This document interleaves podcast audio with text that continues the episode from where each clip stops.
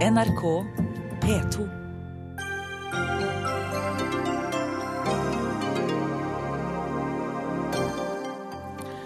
Taliban står bak drapene på 141 mennesker på skole i Peshawar, Pakistans Utøya, sier norske pakistaner.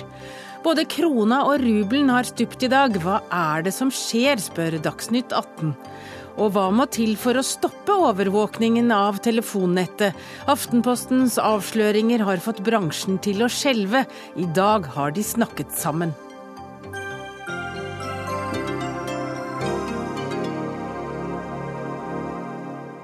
Ja, Velkommen til Dagsnytt 18. Jeg heter Hege Holm, og før vi lukker dørene skal vi også innom sjømatindustrien. Men altså først skal vi til Pakistan, for 141 mennesker ble drept og et ukjent antall ble skadd da terrorister tok seg inn på en skole i Peshawar i Pakistan. 132 drepte er barn.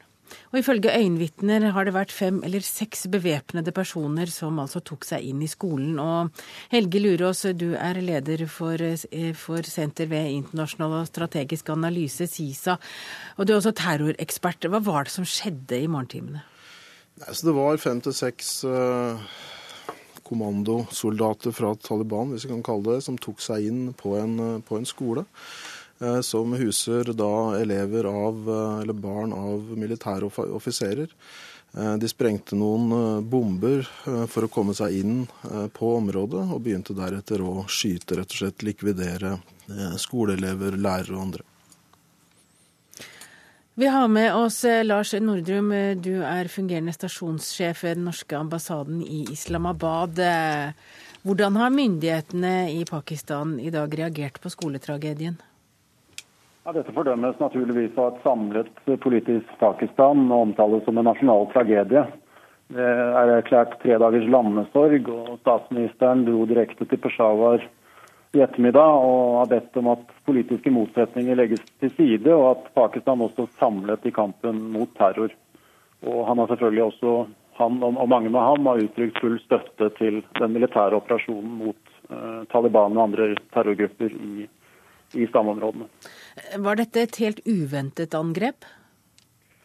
Dessverre ikke. Eh, Pakistan rammes av terror flere ganger hver eneste dag. Eh, Taliban, som har påtatt seg ansvaret for dagens angrep, gjennomførte mer enn 600 terrorangrep i fjor.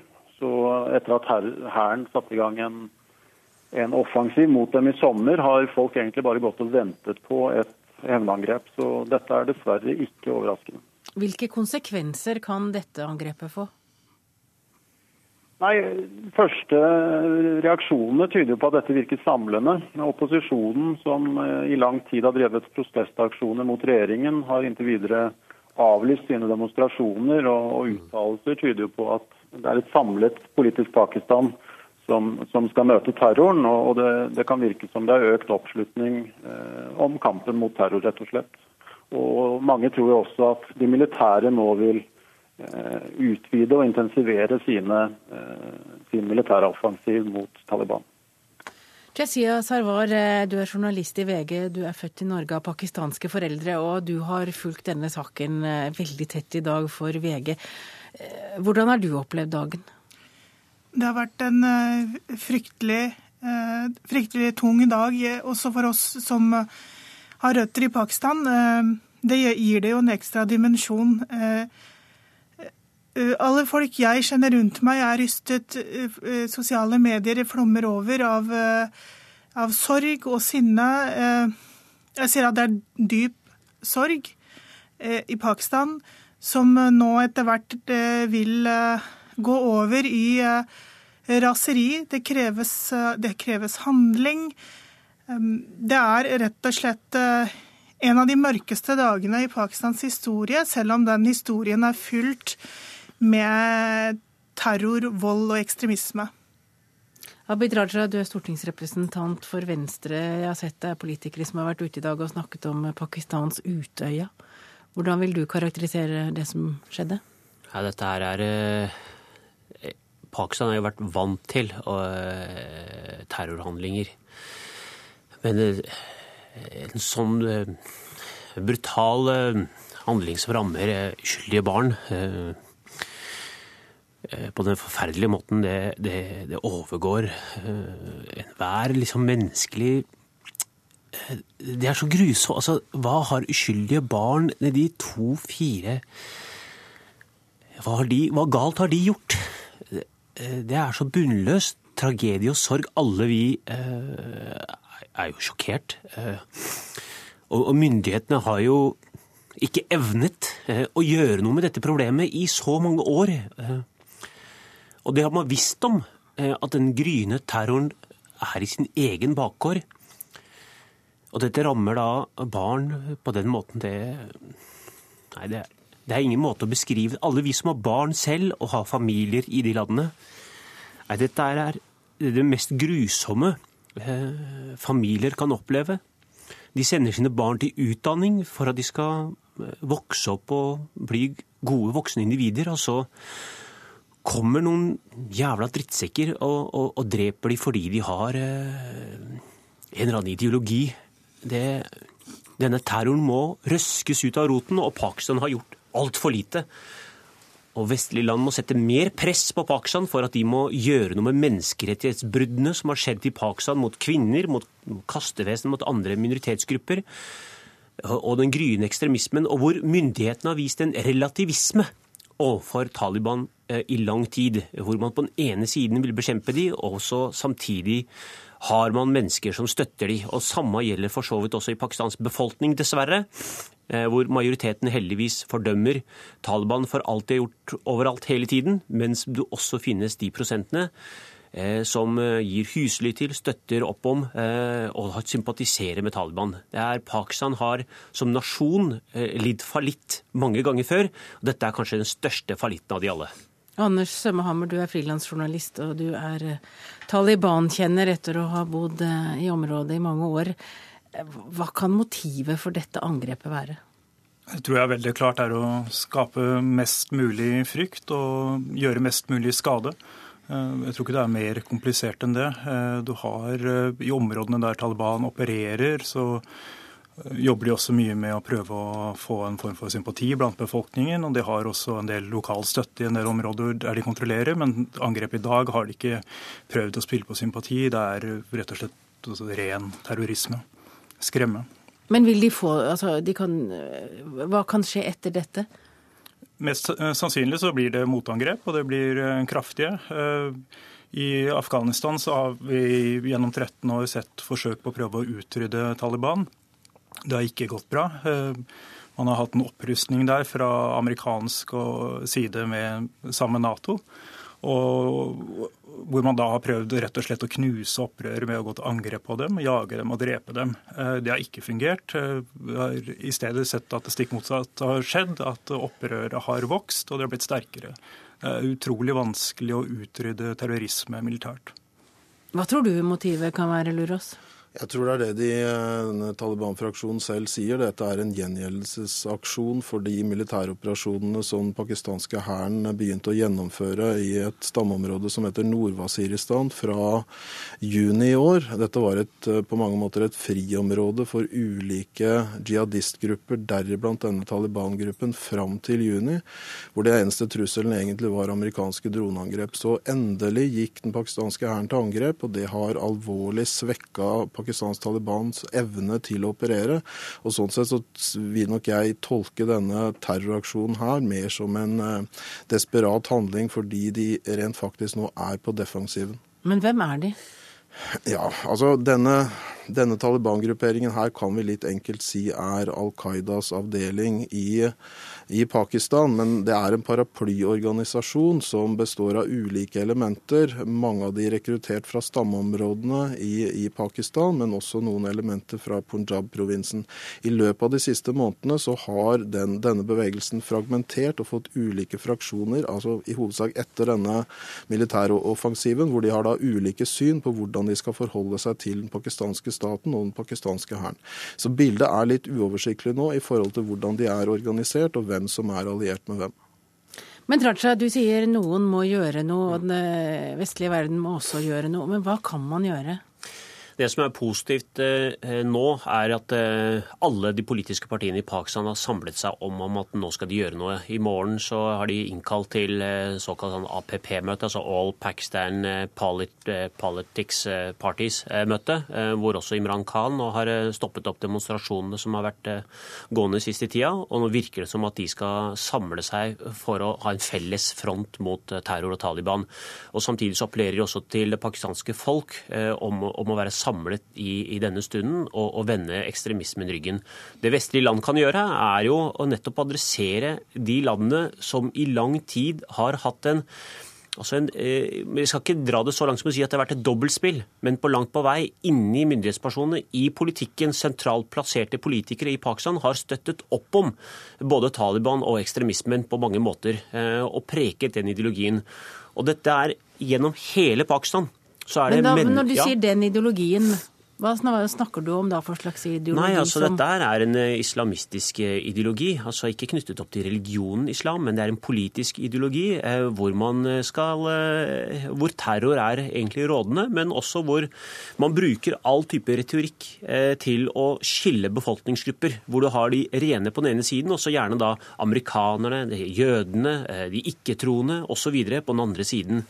Eh, og alle da som snakker for demokrati, for menneskerettigheter, blir klassifisert som for, for den andre siden. Eh, og mange i den pakistanske politikken eh, har, med, har sett seg tjent med at det har vært fantes et Taliban. Og dermed har man heller ikke klart å drive dette ut. Samtidig så er den befolkningen veldig, altså pakistanske befolkningen er i stor grad analfabet. Og i stammeområdene særlig så har man hatt en stor sympati til Taliban. Dette er, håper jeg altså er det, det, er ingenting godt som kan komme ut av en slik eh, terroraksjon. Men allikevel, altså når dette har eh, Nå håper jeg iallfall politikere der våkner, men også at befolkningen, som har gitt husly og støttet opp om Taliban, og at også de våkner. Og at det området samlet kan vise front mot terror. Og vestlige lands ledere de må støtte opp under eh, støtte opp under de måtene man kan eh, bygge menneskerettigheter i, i, i de landene. Sharwar, du skriver i dag at jeg håper pakistanerne ikke igjen forsvinner ned i konspirasjonsteorienes kvikksand. Hva mener du med det? Det er en mare som rir Pakistan har gjort det i lang tid. Problemet har vært at det er vanskelig å ta ansvar for noe av det som går galt i Pakistan. Alt er Vesten eller inderne eller jødene eller amerikanernes skyld. Det så vi også eh, i forbindelse med fredsprisen til Malala. Hun har jo lenge blitt kritisert for å være Vestens agent. og Gud vet hva. Eh, det, men det jeg heldigvis denne gangen ser, er at eh, nå har de ingen eh, Det er ingen forklaringer lenger. Denne terroraksjonen er så brutal at det er vanskelig å gjemme seg bak konspirasjonsteorier. Konspirasjonsteoriene har vært lammende. Den dagen fredsprisen ble delt ut, så ble det kjørt eh, undersøkelser eller sånn poll eh, i pakistansk TV hvor 60% mente at det var feil å gi Malala prisen. Landet, det, er, det handler ikke bare om en bestemt ideologi, det handler om hvordan hele samfunnet er bygget opp. Det er et samfunn uten eh, holdbar infrastruktur. 40% av landets budsjett går til Forsvaret. Det er syv ganger mer enn det som gis til utdannelse eh, i, landet. Så det er klart at her er det mye som har gått galt i Pakistan, og som har gitt grobunn til eh, denne type ekstremistisk ideologi. Og, Men hvem er det du tenker kan få skylda denne gangen? Jeg tror ikke noen, Det er det jeg sier. Jeg tror det er vanskelig å skylde på noen andre enn seg selv. Eh, det, det er klart at Taliban vil få skylden, men det er, det er eh, hele atmosfæren i landet som har gitt grobunn til Taliban. Det ble sagt her at Taliban er desperat, og at aksjonen i dag viser det. Eh, jeg tror ikke det. Jeg tror det først og fremst viser at de er ekstremt hensynsløse og er ekstremt farlige. At de ikke har respekt for menneskelivet i det hele tatt, når de da går til angrep på barn. Eh, men det krever også nøye planlegging. Det er ikke lett å gjennomføre den type aksjon eh, de gjennomførte i dag. Eh, man må også identifisere mennesker som er villige til å gå så langt at man skyter da tilfeldige barn. Eh, og Det tar tid å identifisere den type mennesker, og også jobbe med dem og manipulere så de blir i stand til å gjøre det. Så jeg tror på ingen måte, Det blir hele tiden blitt sagt etter hvert som opprøret har vokst i Afghanistan, at det, jo, for hver gang de gjennomfører en hensynsløs aksjon, så er dette et tegn på at de er svake og desperate og trengt opp et hjørne. Det tror jeg ikke det nødvendigvis betyr. Pakistanske TV-kanaler har jo meldt Nå vet vi ikke, vi har ikke kommet til bunns i hvem disse eh, Altså hva slags bakgrunn disse Taliban-ekstremistene har hatt. Men pakistansk presse har dels meldt at eh, enkelte av disse har vært arabisktalende. At barna som eh, har vært vitne til dette, har informert om at, at det har vært kommunisert på andre språk enn de som er normale å snakke i det området. At det er verken et urdu eller pashto eller andre språk. Så det, er, det, det, det gjenstår jo å se. Men dette tyder jo på at det er vært en mye mer enn en, en, global ekstremistisk bevegelse som har utført denne handlingen, enn en lokal bestående av kun pashtunere eller pakistanere, altså, eller, altså, eller urdutalende eller, eller. Så det, det, gjenstår å se, men det er det pakistansk presse iallfall melder nå. Altså det vi må huske på her også er at det er et eh, komplekst eh, regionalt spill som foregår. og Det er helt klart at det er mye eh, konspirasjonsteorier i Pakistan i forhold til hvem som er skyld i hva. Men, men, men jeg tror også vi må ta høyde for at både nabolandene Afghanistan og India har kontakt med grupper som jobber imot den pakistanske staten, på samme måten som pakistanske myndigheter, spesielt hæren og etterretningstjenesten, da tillater og støtter opp under af, altså afghansk Taliban som opererer ut fra eh, Pakistans territorium. Så her er det en stedfortrederkrig, og at det er elementer av kontakt mellom afghansk og har i hvert fall vært det mellom afghansk og indisk etterretning opp mot pakistansk Taliban, det tror jeg faktisk det er vanskelig å komme bort ifra. Men det betyr ikke at de står bak dette. Men her er det et komplekst stedfortrederspill som foregår i denne regionen, og all skyld er ikke bare på Pakistan, sånn som jeg ser det. Rett før jeg kom inn i studio her, så ser jeg at uh, på Twitter så er hashtag India with Pakistan Eh, trender akkurat nå. Og jeg tror at eh, både indere og pakistanere, og særlig pakistanere, er lei av eh, terrorismen i Pakistan. Og det er også en av grunnene til at en mann som Imran Khan, en tidligere cricketspiller, nå en av den tredje, leder av tredje største parti, har fått en stå, så stor oppslutning, og særlig fra yngre pakistanere. Det er fordi at de vil ha endring.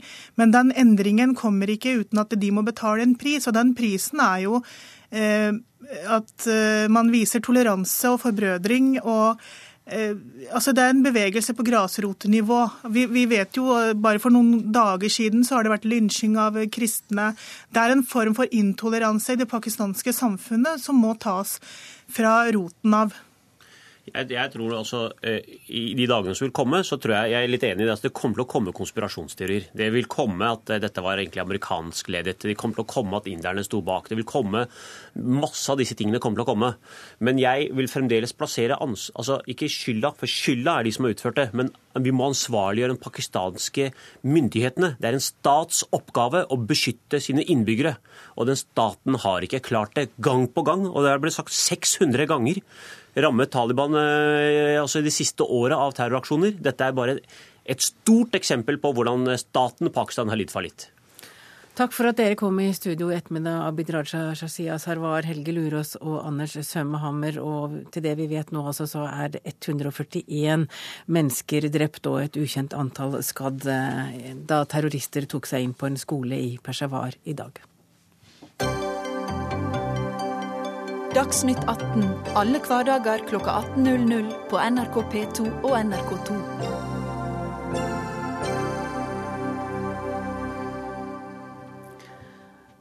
Telenor mener Norge har et av verdens sikreste mobilnett. Men hva hjelper det, spør vi, når vi hører om den omfattende overvåkingen som Aftenposten har avslørt de siste dagene, med falske basestasjoner som kan overvåke alt fra storting til finansnæring.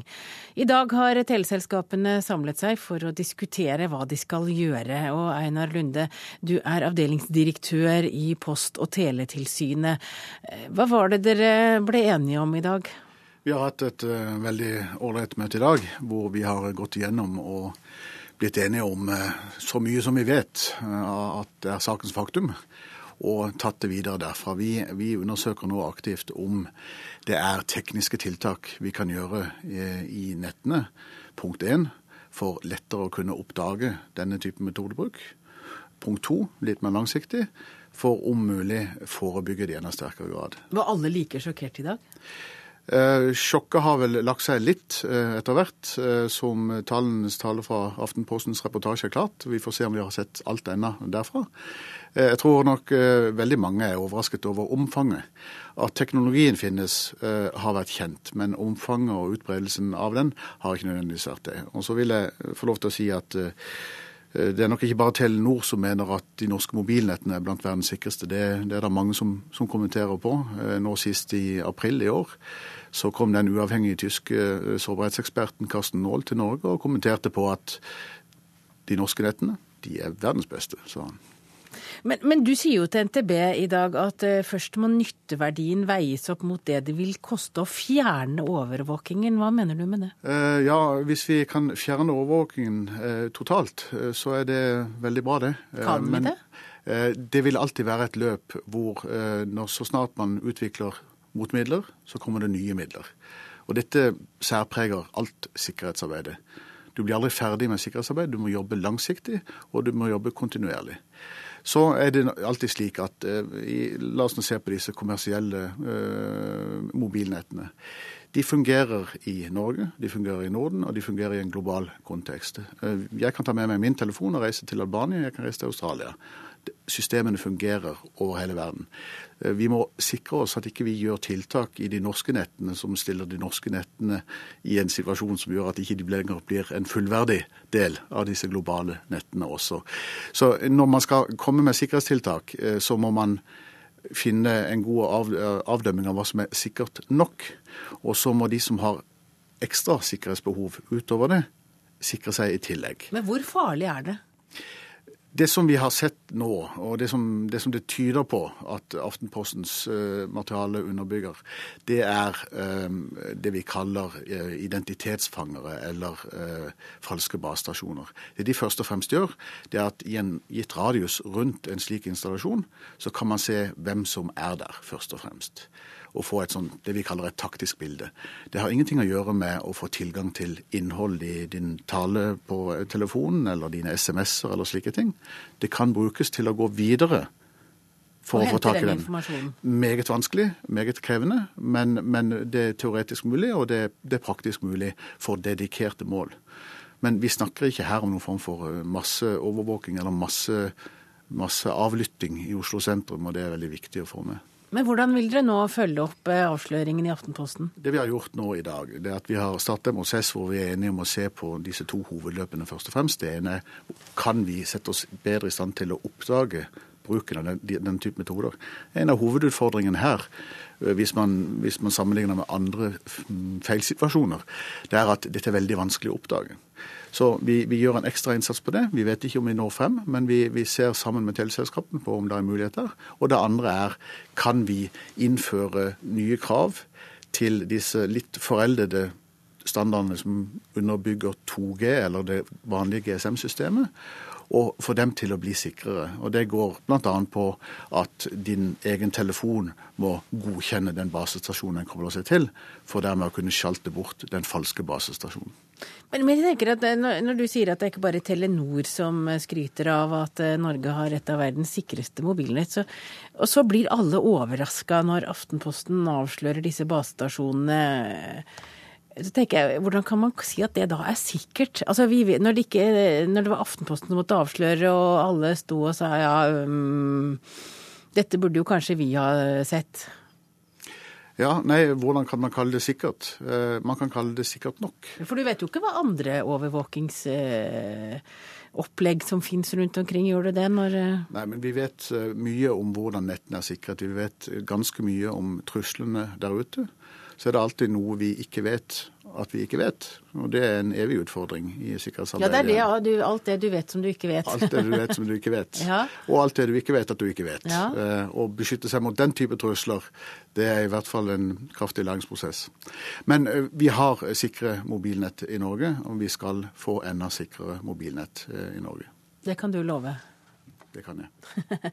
Takk til deg, Anna Runde. Du er altså avdelingsdirektør i Post- og teletilsynet.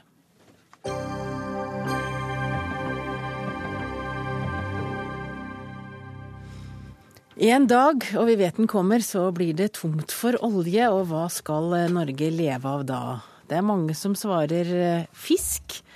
Derfor har et utvalg siden våren 2013 sett på hvordan Norge kan få en eh, godt rustet sjømatindustri. Og i dag ble utvalgets rapport lagt fram, og Ragnar Tveterås, du er leder for Sjømatindustriutvalget. Hva er det viktigste dere har eh, funnet ut? Jeg kan prøve å oppsummere det i fire-fem punkter. Eh, Norge eksporterer hundrevis av produkter til over 100 land i verden. Utvalget peker på at de internasjonale sjømatmarkedene er veldig komplekse. Og det vi sier, er at myndighetene skal være veldig ambisiøse i forhold til sjømatnæringen sine vekstmuligheter. Men de må òg være ydmyke i forhold til å regulere næringen i mange dimensjoner når vi har et så komplekst bilde. Det andre er at uh, i, forlengelsen av dette her, det er at utvalget gir fiskeflåten mulighet til å øke sin lønnsomhet og bidra til å skape mer verdier for resten av verdikjeden gjennom å kunne kjøpe kvoter friere sammen med å gjøre frie fartøys- og redskapsvalg. Det tredje er at utvalget gir fiskeindustrien, en industri som har slitt med dårlig lønnsomhet, mulighet til å finne ulike modeller for å tilfredsstille disse krevende kundene der ute, gjennom at de nå bl.a. skal få eie fiskekvoter. Det fjerde er at utvalget gir bedrifter og samfunn langs kysten like muligheter til å konkurrere om å skape verdier og arbeidsplasser. Og det femte, som òg er en forlengelse av dette, her, det er at vi mener at utvalget legger grunnlaget for de gode arbeidsplassene langs kysten i framtida. Og det var fem punkter som eh, du mener eh, blir forbedring av eh, sjømatindustrien. Og vi har flere i studio her som kanskje ikke er helt enige med deg om at det er forbedringer. Men vi går til deg, vi først, fiskeriminister Elisabeth Aspaker. Hvorfor er det nødvendig å gjøre endringer i sjømatindustrien? Dette er en industri som er globalt konkurranseutsatt, og som har slitt med sin lønnsomhet i lang, lang tid. Derfor er jeg glad for at utvalget nå har lagt frem sin rapport med en stor meny av forslag, som det nå er viktig at vi tar oss tid til å diskutere. Og Denne næringa er nå for viktig til at vi skal ha en debatt med slagord og og skyte på hverandre fra den ene grøfta til den andre. Så nå må vi ta oss tid, senke skuldrene, studere forslagene. Og så er også jeg opptatt av at næringa sjøl må komme på banen og fortelle på en måte oss som politikere hva slags grep er det vi må ta for at de skal få lønnsomhet, som gjør at de greier å, å ha innovasjon og tiltrekke seg kompetent arbeidskraft i fremtida. Da starter vi med næringen. Vi starter med Norges kystfiskerlag. Arne Hole, du er daglig leder der. Er dette en rapport som legger et eh, grunnlag for en robust sjømatindustri? Vi er vel ikke helt enig i alt som eh, rapporten eh, kommer med. Men for oss eh, så er det viktig at fiskerinæringa også i fremtida skal være ei samfunnsbærende næring som skal være med og spre rikdom eh, mange, på mange hender langs hele kysten. Og Det tror jeg alle er enig i, men ja. hva er dere ikke er enig i? Så har vi dette med eh, grunnlaget for at det skal være slik. Først og fremst havressursloven, som nettopp understreker at Formålet er, skal være samfunnsøkonomisk lønnsom forvaltning av de viltlevende marine ressursene og det genetiske materialet for å medvirke til å sikre sysselsetting og bosetting i kystsamfunnene. Det var paragraf 1. Og paragraf 2. De viltlevende marine ressursene ligger til fellesskapet i Norge. Det mener vi bør være det bærende. Og en del av dette er deltakerlov og havressurslov, som vi i alles fall skal diskutere kraftig før vi går med på å endre noe. Ja, for her er det foreslått endringer, og hvilke endringer er det dere ikke liker? Det som eh, vi ikke liker, er dette med opphevelse av hvem som skal At, at det er aktive fiskere, f.eks., som skal uh, være, være, ha, ha, ha, rett til, fisk, til, til fiske i Norge. Uh, vi kan tenke oss en, at en, vi får en industri som eier ressurser. Den vil bli eh, attraktiv. Jo mer spissa dette blir, jo mer attraktiv blir de på et eh, økonomisk eh, marked hvor det er om å gjøre å, å, å, å få størst mulig utbytte av minst mulig kapitalinnsats. Så jo mer at vi samler dette, jo mer interessant blir det for også utenlandske aktører å komme inn. Og til slutt så kan vi kanskje oppleve at det er svenske og nederlandske eh, pensjonsfond som sitter og eier, eier norsk fiskerinæring. Og dette vil ikke skje i dag og ikke i morgen, og ikke neste år eller året deretter. Men på sikt så ser vi at, at, sånt kan skje. Det var en veldig dyster, et dystert framtidsperspektiv. Er du enig i det, Geir Ove Ystmark? Du er administrerende direktør i Fiskeri- og havbruksnæringens landsforening. Nei, Det vi må ta som eh, utgangspunkt, det er at uh, den tradisjonelle fiskerinæringa har mista konkurransekraft. Uh, går vi tilbake til begynnelsen av 2000-tallet, så utgjorde den tradisjonelle fiskerinæringa hovedvekten av norsk sjømateksport. I dag eksporterer havbruksnæringa for 70% av den samla sjømateksporten.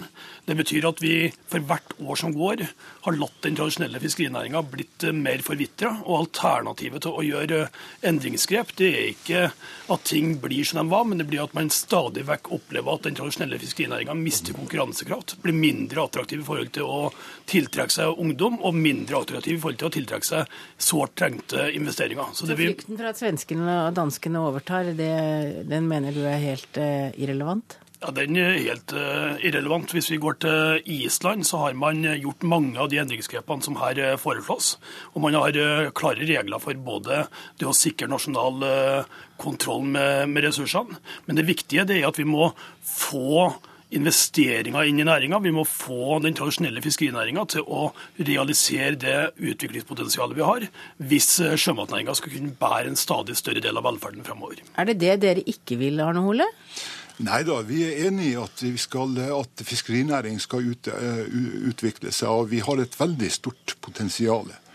Uh, han, Ragnar Tveterås sa i dag at det de har sett på, er rammevilkårene til industrien. Altså de eh, vilkårene som samfunnet setter for industrien. Og, eh, ikke sant?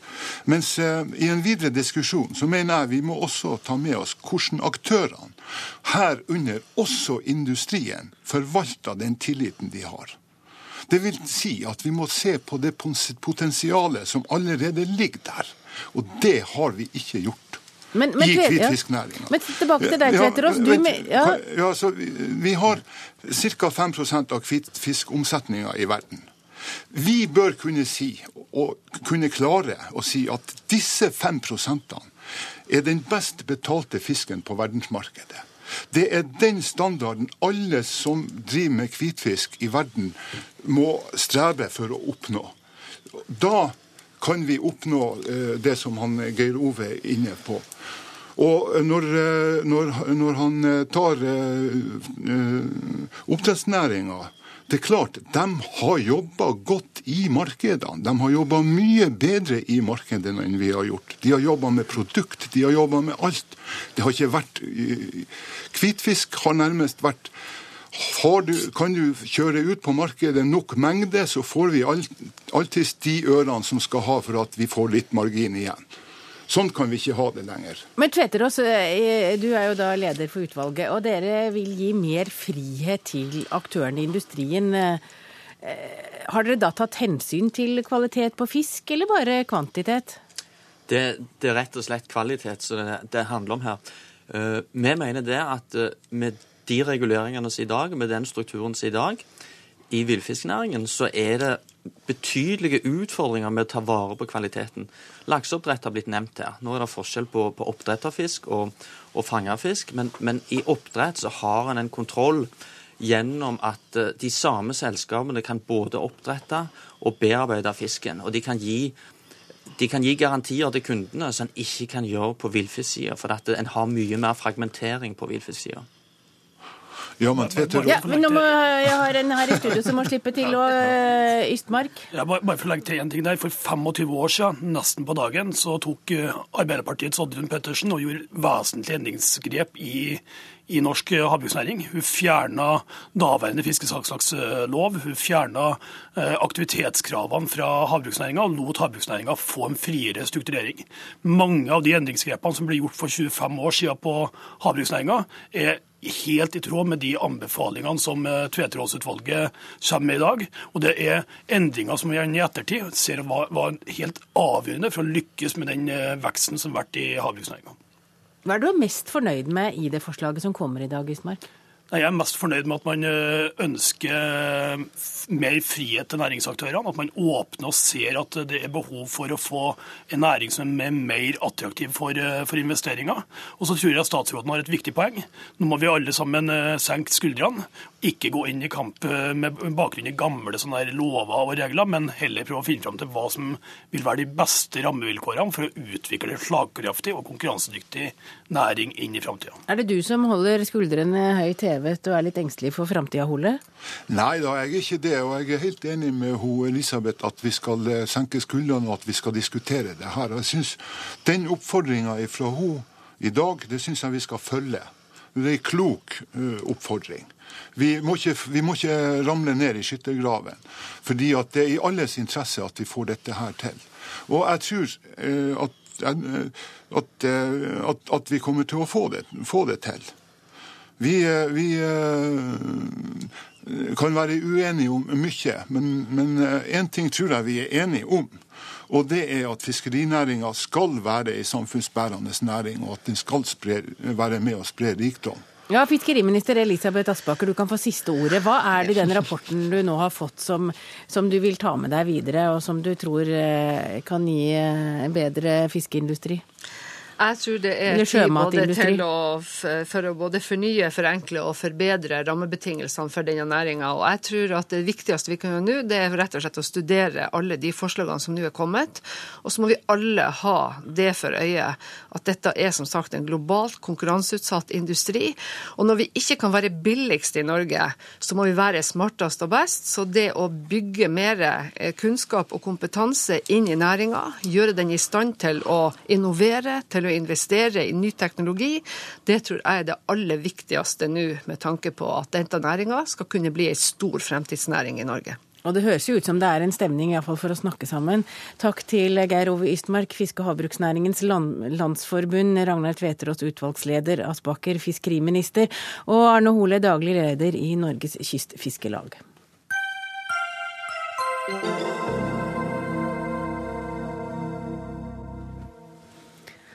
Ja, I Russland i morgentimene i dag kom beskjeden om at den russiske sentralbanken nå setter opp renten med hele 6,5% og Det betyr at renta der er nå på 17% Det skjedde fra i går til i dag. Dette gjør de for å hindre at rubelen faller enda mer etter at den nå ligger på et rekordlavt nivå målt mot dollar. Og NRKs Russland-korrespondent Morten Jentoft, du er i Moskva. Eh, hvordan har dagen i Finans-Russland vært? Den har vært eh, kaotisk, uoversiktlig, og jeg tror eh, få egentlig har visst hva som skjer den neste timen. Jeg fikk nesten sjokk når jeg var ute i gatene i ettermiddag, og det samme gjorde også eh, min fotograf her i Moskva, for plutselig så måtte du da betale altså over 90 90 rubler for 1 dollar. Altså Det hadde vært en, en, et fall i rubelverdien på 20% altså i løpet av uh, bare dagen i dag.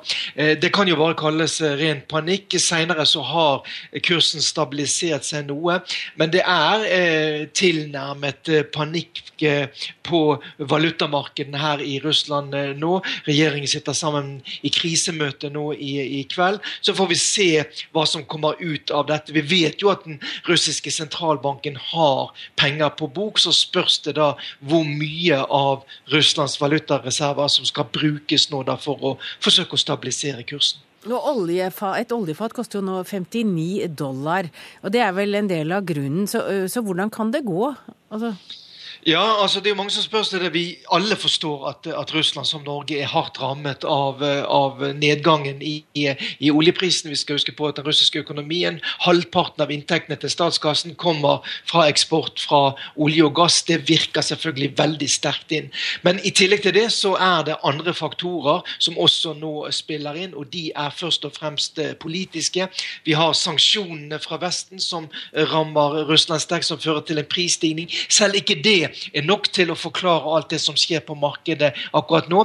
De fleste kommentatorer her mener det at dette i bunn og grunn handler om tillit da, til den russiske politiske ledelsen. Det står om eh, tilliten til president Vladimir Putin, som jo har seilt på en, en, en, popularitetssky her i Russland det siste året, bl.a. pga. sin politikk overfor Ukraina. Men nå er det tydelig at han må betale en del for den politikken. Så spørs det hvor sterk da støtten ute i befolkningen er da eh, når den harde virkeligheten går opp for dem, at de ikke lenger kan reise til utlandet, at de må betale eh, dobbelt så mye for eh, pærer på markedet, en tredjedel så mye for, for brødet.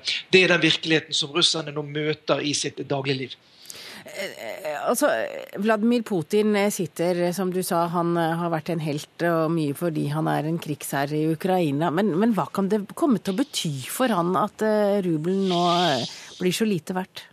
Ja, altså folk har nok, han, Hans støtte er nok fremdeles eh, veldig solid ute i, i, befolkningen. Så spørs det da hvor lenge denne krisen varer. Klarer Vladimir Putin å framstille det som at det er, dette er igjen da utlandet, Vesten, da, som gjennom økonomiske sanksjoner, gjennom kunstig lav oljepris, prøver å tre, presse eh, til en politisk forandring i Russland? Hvis han klarer å få gjennom den argumentasjonen, ja, så kommer han, kommer han nok til å sitte eh, trygt lenge framover. Men det er klart at den økonomiske virkeligheten biter på folk, eh, folk flest. De, eh, dette angår deres eh, dagligliv. Og så spørs det da hvor lenge da patriotismen, solidariteten med Putin vil vare. Det kom akkurat inn melding om at USAs president Barack Obama i løpet av uken vil gi ordre om innføring av nye sanksjoner mot Russland. Det er Det hvite hus som opplyser det. Hvilke konsekvenser kan det få? Ja, I utgangspunktet så vil jo det selvfølgelig også forverre situasjonen da for, for, Russland. Det vil i alle fall ikke forbedre den uroen som er på finansmarkedet. Men samtidig som disse meldingene kommer fra Washington, så kommer også eh, uttalelser fra den amerikanske utenriksministeren John Kerry som sier at ja, hvis Russland nå eh, gjør forandringer i sin politikk overfor Ukraina, får til eh, presser separatistene til forhandlingsbordet med regjeringen i, i, i Kiev, Eh, så kan sanksjonene mot Russland bli hevet i løpet av dager, sier altså John Kerry. Sånn at her kommer det doble signaler fra amerikanske myndigheter. Så spørs det da hvordan de blir møtt av eh, den russiske ledelsen her i Moskva. Takk til deg, Morten Jentoft i Moskva. Du må løpe. Men i studio her har jeg med meg Ingrid Opdal og Magne Østnord. Og Ingrid Opdal, først til deg. Du er forsker ved Institutt for forsvarsstudier, og Russland er ditt felt. Hvor, hvorfor har det gått så dårlig med økonomien eh, i Russland? Vi hørte jo her om sanksjonene. Men, men er, hvorfor er rubelen så lite verdt? Um, rubelen har jo vært mye verdt. Uh, så til en viss grad så, så, er det ikke så rart at en oljedrevet vekst nå um, Altså dette er slutt på den, den, typen vekst. Det har også vært en, en, en en langvarig vekst drevet av høye oljepriser, en langvarig økonomisk vekst drevet av, av, det man har tatt igjen etter den forrige krisen, den forrige store krisen i 1998. Så, så sånn sett så, så, er det ikke så rart at, uh, at en, en, en uh, oljestøttet uh, valuta vil svekke seg, men det er noen ting som gjør at dette her blir, blir en, en, veldig alvorlig svekkelse. Eh, selvfølgelig så er det sanksjonene. De har hatt en klar innvirkning på at krisen kommer nå, og at den kommer så eh, kraftig. Men det er en underliggende økonomisk krise, det er en mangel på reform eh, som eh, hvor, hvor, hvor, man kan si at det, det, var kanskje et mulighetsvindu til å, å innføre økonomiske reformer og, og få til strukturell endring i økonomien og gjøre den kanskje mindre oljeavhengig, i hvert fall, i hvert fall eh, en, til en mer velfungerende økonomi. Og det mulighetsrommet som, som økonomer jeg har hørt om, har snakket om opp til 2007, eller rundt 2007, frem mot 2008 kanskje, det mulighetsrommet ble ikke utnyttet. Fordi at da ville, ville det ikke vært mulig, sannsynligvis, for, for, Putin å bli sittende. Så det vinduet er lukket? Ja, det vinduet er nok lukket. Men har det noen positive konsekvenser med en økonomisk krise i Russland? Ja, det er alltid muligheten. Altså hvis, hvis alt ordner seg i morgen og sanksjonene blir opphevet, så er det klart at det vil ha en innvirkning. Men, men uten strukturell reform og uten, uten um, endringer som, som, som, kan gjenopprette på et eller annet vis gjenopprette tilliten til Russland som økonomi, så, så er det vanskelig å se hvordan, hvordan, hvordan det kan bli mer enn et blaff egentlig. Men det er jo ikke bare rubelen som da har falt, for det har også krona gjort. Kronekursen eh, er nå på sitt laveste nivå på mer enn ti, et tiår. Og det har blitt dyrere å kjøpe både euro og dollar og pund, og det merker nok nordmenn som er i utlandet. Og Magnus, når du er valutastrateg i DNB Markets, altså det er ikke så stor forskjell på Norge og Russland. Det er jo oljen som har skylda her også? Ja, det er klare parallelle årsaker til, til hvorfor valutaene svekker seg. Eh, Men hva er forskjellen? Eh, det er jo én viktig forskjell som vi delvis har vært, eh, vært, inne på her. At mens vi her hjemme har vært flinke til å spare store deler av våre inntekter fra, fra petroleumssektoren, så har russerne i mye større grad brukt de løpende inntektene til å finansiere budsjettet. Og Dermed sitter man eh, i en situasjon hvor valutareservene er der. Er, de har om lag 500 milliarder euro i valutareserver. Men det utgjør 25 eh, av landets verdiskapning. Det norske oljefondet og våre valutareserver ja, det utgjør eh, knappe 200 av men, vår verdiskapning. og Det gir et helt annet handlingsrom. Men på, på, på, det meste, altså på det verste i dag da kan man vel nesten si som at du betaler 9 kroner og 90 øre for en euro. Er det en normal svingning? Det er langt fra en normal svingning, eh, heldigvis. Eh, og bevegelsene vi så i dag, eh, må vi tilbake til 1986 før vi kan se sammenlignbare bevegelser innenfor én dag i den norske kronen. Men hvorfor skjedde det akkurat i dag? Nei, Bakteppet er jo, er jo, nettopp oljeprisfallet, som har eh, svekket utsiktene for, eh, for, eh, norsk økonomi, og som har gjort usikkerheten om hvor norsk økonomi og krona skal videre, ekstremt stor. Og så er det en ond sirkel. Stadig mindre interesse for nettopp å holde, holde kroner gjør at stadig færre ønsker å gjøre det.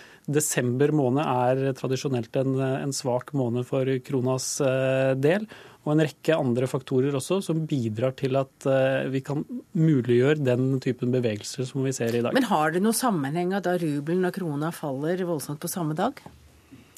Eh, vi så et fall i oljeprisen i dag, og det var nok en av, eh, en av drivkreftene bak den svekkelsen vi så. Men både den svekkelsen vi nå har sett i høst av kronen, men også svekkelsen bare innenfor dagen i dag, er mye større enn hva oljeprisfallet isolert sett skulle tilsi. Og Vi syns jo det er interessant å høre om rubelen i Russland, men vi er jo forferdelig interessert i hvordan det kommer til å gå med den norske krona. Helt sånn personlig. Ja, det, det skjønner jeg jo. Eh, vi tror jo at eh, det bildet vi eh, ser nå, med svakere utsikter for norsk økonomi, eh, høyere ledighet i, i årene fremover, noe lavere rente fra, fra Norges Bank, ja det peker jo i retning av en svakere krone men ikke så svak som vi ser nå. Så vi tror at dette skal reverseres. Vi skulle gjerne visst hvorfor eh, danskene har en sterkere krone og svenskene også er sterkere enn vår, men det kan vi ta ved neste anledning.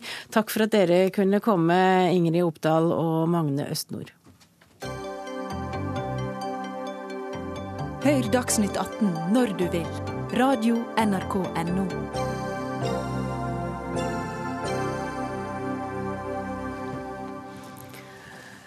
Ja, mens amerikanske og andre statsledere vender hjem fra Lima etter å ha forsøkt å redde klodens klima, fortsetter strømmen av økonomiske donasjoner til politikere som fornekter menneskeskapte klimaendringer. Blant bidragsyterne er en av de mektigste lobbyorganisasjonene i USA, API, American Petroleum Institute, og blant medlemmene i organisasjonen finner vi altså Statoil, og dette kunne vi høre i Dagsnytt i dag morges. Og Fredrik Hauge, du har reagert på dette medlemskapet. Hvorfor det? fordi at det API holder på med, er så ekstremt at det er vanskelig å se at Statoil kan være tjent med å være assosiert. Så er det en del juridiske finurligheter, og dette er en egen komité innenfor API som har egen finansiering. Men når vi går gjennom denne argumentasjonen, så bruker de jo at de har alle API sine medlemmer med seg. Eh, de driver et Ja, For Statoil har ikke betalt for lobbyvirksomheten. Medlemsavgiften går til noe annet. Det ja, det er det formelle, og slik er det juridisk nødvendig at det er i USA. Men dette representerer noe av det styggeste vi har globalt og internasjonalt nå når det gjelder lobby. Dette er en organisasjon som jobber mot uh, ozonlover. Det er noe av de som uh, jobber mest mot reguleringer. Det amerikanske miljøbyrået jeg har snakket med i dag, de, de gir noen ganske illustrerende beskrivelser. Og de finansierer direkte valgkamp til republikanske medlemmer. Og jeg må jo si at når Statoil har et eget etisk regelverk om at de ikke skal finansiere politiske valgkampanjer, så er dette skillet mellom å betale medlemsavgift og at man ikke betaler til lobbydelen av medlemsorganisasjonen, det begynner å bli meget tynt. Janne Klinbekk, du er informasjonsdirektør i Statoil. Det er litt av en gjeng dere holder dere med? Ja, Det er litt av en beskrivelse Haugen gir. Jeg kjenner meg ikke helt igjen i den. Nei, Forklar eh, hvordan du ser det. Nei, Vi ser dette som at eh, vi er medlem av en eh, ledende industriorganisasjon i USA som heter API. Omtrent som norsk olje og gass. Det er riktig. Og som representerer 600 medlemmer i USA. Og eh, det er ingen tvil om at vår medlemskontingent eh, går til det arbeidet som knytter seg til eh, virksomheten som interesseorganisasjon. Og så er det på siden av det et arbeid for innsamling av midler til politiske kandidater og partier. Og de innsamlede midlene kommer da fra enkeltpersoner og eh, bedrifter, virksomheter, som står listet på internett. Eh, så hvis noen lurer på om Statoil står listet der, så kan jeg med en gang bekrefte at det gjør vi ikke. Så vi bidrar ikke med finansiering til politisk aktivitet i Men er det ikke korrekt heller at organisasjonen hevder at alle står bak den virksomheten de driver med? Det er ikke noe tvil om hvem som står bak de pengene som går til politiske kandidater og partier, for det står eh, oppgitt på, eh, på internett. Så det, så det, det bør være veldig klart. Men så brukes det stadig at alle APIs medlemmer de har med seg alle APIs medlemmer. Så i den offentlige debatten så trekkes dere jo inn i dette. Og det skillet du her lager, altså ingen medlemsorganisasjon, ingen komité, enkelt og greit. Du, du, du påstår at vi har brutt vårt eget etiske nei, jeg, regelverk? Ja, nei, jeg sa ikke det, Janne Klingbekk. Jeg sa jeg, jeg stiller spørsmålstegn og synes at dere beveger dere virkelig syltynt i forhold til det, og at det har vært en diskusjon. Hvis du føler deg komfortabel og sammenligner dette med norsk olje og gass eh, jeg, jeg, har mange ting å si om norsk olje og gass som interesseorganisasjon. De er anstendige i forhold til det dere er med på her. Og hvis du trenger en liten innføring om hva API eh, egentlig driver med, så tar vi gjerne en møte om det. Men dette er noe av den mest ekstreme klimalobbyen vi har i verden i dag. Jeg kjenner meg ikke igjen i den eh, beskrivelsen. Men er du enig i beskrivelsen av klimalobbyen også? Eh, jeg, jeg, vil si det slik at Statoil har eh, et godt kjent syn på de menneskeskapte klimaendringene. Det er ingen tvil om at vi er svært bekymret for det, akkurat som Bellona. Og vi arbeider målrettet og systematisk både i Norge og internasjonalt for å medvirke til at vi både får globale virkemidler og lokale virkemidler som bidrar til å redusere klimautslippene. Og Det er Statoils posisjon. Den posisjonen har vi hjemme. Den posisjonen har vi også i API. Eh, så når vi eh, deltar i arbeidet i denne organisasjonen, så eh, står vi på den samme posisjonen der som vi gjør her hjemme. Så vil det være 600 andre medlemmer i API som kan ha sine standpunkter. Men grunnlaget for at vi er medlem i denne virksomheten, er at det er en viktig bransjeorganisasjon i USA. De jobber med å utvikle standarder ja, det, det har du allerede sagt. Ja, innenfor en rekke viktige områder. Innenfor leting, ja, produksjon, raffinering. Eh, og Her er dette arbeidet svært viktig, og det er viktig for Statoil å kunne medvirke i det arbeidet. Guri Melby, du er også i studio. Du er sentralstyremedlem i Venstre. Og, og du syns at dette medlemskapet er svært problematisk. Hvorfor syns du det? Eh, først og fremst fordi at Statoil er jo et eh, selskap som i stor grad er eid av den norske stat og av det norske folk. Og jeg forventer jo at et selskap som Statoil eh, i alle fall ikke direkte motarbeider det som er norsk politikk. Og det er brei enighet på Stortinget i dag om at vi skal bekjempe global oppvarming, f.eks. Det er det eh, bred enighet om. Men her er da Statoil del av en organisasjon som da f.eks. gir betydelig støtte til politikere som er uttalte klimaskeptikere, som ikke tror på at global oppvarming er menneskeskapt, og som aktivt jobber for, som også Fredrik Hauge sa, å fjerne mest mulig hindringer og få mest mulig frie tøyler til å gjøre det de vil. Eh, Og jeg syns at det her vitner om at Statoils etiske regelverk eh, kanskje mest av alt tilpassa en norsk politisk virkelighet og ikke en amerikansk. Og jeg mener at det å prøve å øh, liksom lene seg på det her skillet mellom bransjeorganisasjonen og den lobbyvirksomheten og den støtten som API gir til politikere, den er i beste fall syltynn. Og jeg mener da at det etiske regelverket til Statoil Det kan godt hende at man formelt holder seg innafor, men jeg mener at, at man moralt sett ikke gjør det, og at vi bør absolutt se på om det etiske regelverket bør styrkes og tilpasses nettopp denne type situasjoner. Jeg syns det er bra at vi har en diskusjon om disse tingene, men eh, vi er eh, svært opptatt av å opprettholde et klart skille eh, mellom det vi medvirker til i API, og det arbeidet som gjøres for innsamling til politiske kandidater og partier. Og At de har et annet system for valgkampfinansiering i USA er godt kjent, og det er det vi står, står oppe her. Eh, Vi mener at eh, API som en interesseorganisasjon for industrien siden 1924 har spilt en viktig rolle i å utvikle eh, mye viktig eh, grunnlag for, at de skal kunne drive på en forsvarlig måte også i USA. Og det er en arena for kunnskapsutvikling og kunnskapsdeling som, som Statoil har glede av som en aktør i Nord-Amerika. La oss si at vi legger det til grunn, Janne Klinbekk. Fordi jeg er oppvokst, oppvokst og tror på at man kan gjøre en forskjell. Så det er sikkert ikke bare dere som ser at den helt ensidige støtten til republikanerne og den måten den politiske komiteen jobber på, skader deres omdømme. Hva med å reise forslag? Jeg sier ikke du skal melde deg ut i morgen. Hva reise forslag på neste generalforsamling? Om at en forutsetning for videre deltakelse er at denne politiske komiteen slutter med dette arbeidet. Og at det kan jo hende at det er flere anstendige mennesker i olje- og gassbransjen i USA som blir med på det, så har dere gjort en forskjell. Hva med et sånt lite kompromiss? Er det noe Statoil kan vurdere å fremme forslag om det på neste generalforsamling i API? Er ikke det konstruktivt? Så får dere fortsatt være med på standarder og alt det som er viktig for dere, og så slipper dere driten. Men nå er ikke vi med i API for å drive politikk. Eh, Nei, nettopp derfor så bør dere sette en forutsetning om at ikke de gjør det. Men hva men er det, er det et forslag? er det det arbeidet som eh, gjøres for å samle inn midler, de midlene som kommer inn og som da kanaliseres til de politiske partiene og kandidatene, det reflekterer jo givernes ønsker, ikke APIs er ønsker. Men det hadde vel ikke vært noe lobbyvirksomhet uten API? Altså Det ene er jo avhengig av det andre. API er en helt legitim interesseorganisasjon som forvalter interessene til en viktig og stor næring som holder på med energiforsyning i Nord-Amerika. Men det forstår jeg, men, men, men hvis, det, hvis du kom med et slikt forslag, hvordan ville det bli mottatt? Et forslag på generalforsamlingen kan ikke jeg foregripe. Nei. Så han er hjertelig velkommen til å komme på forslag at vi kan gjøre det sånn? Nei, jeg, mener, Du er hjertelig velkommen til å kjøpe både aksjer i Statoil og komme på vår generalforsamling. Nei, det, du må tenke at dere kunne ta det opp på generalforsamlingen til API og fremme et forslag om at ja.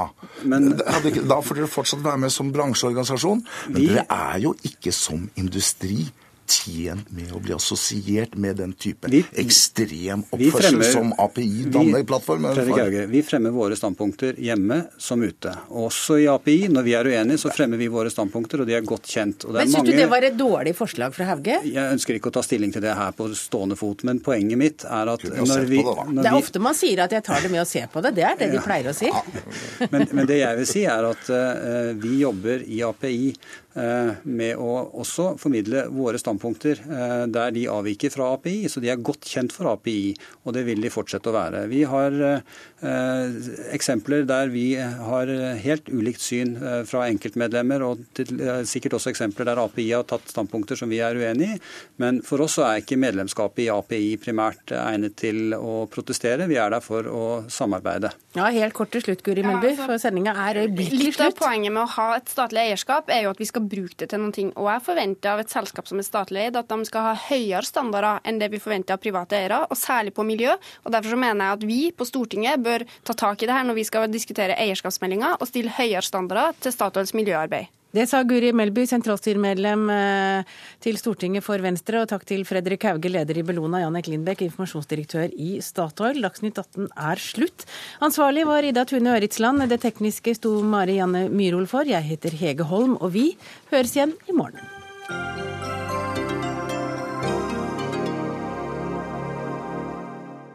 Hør flere podkaster på nrk.no podkast.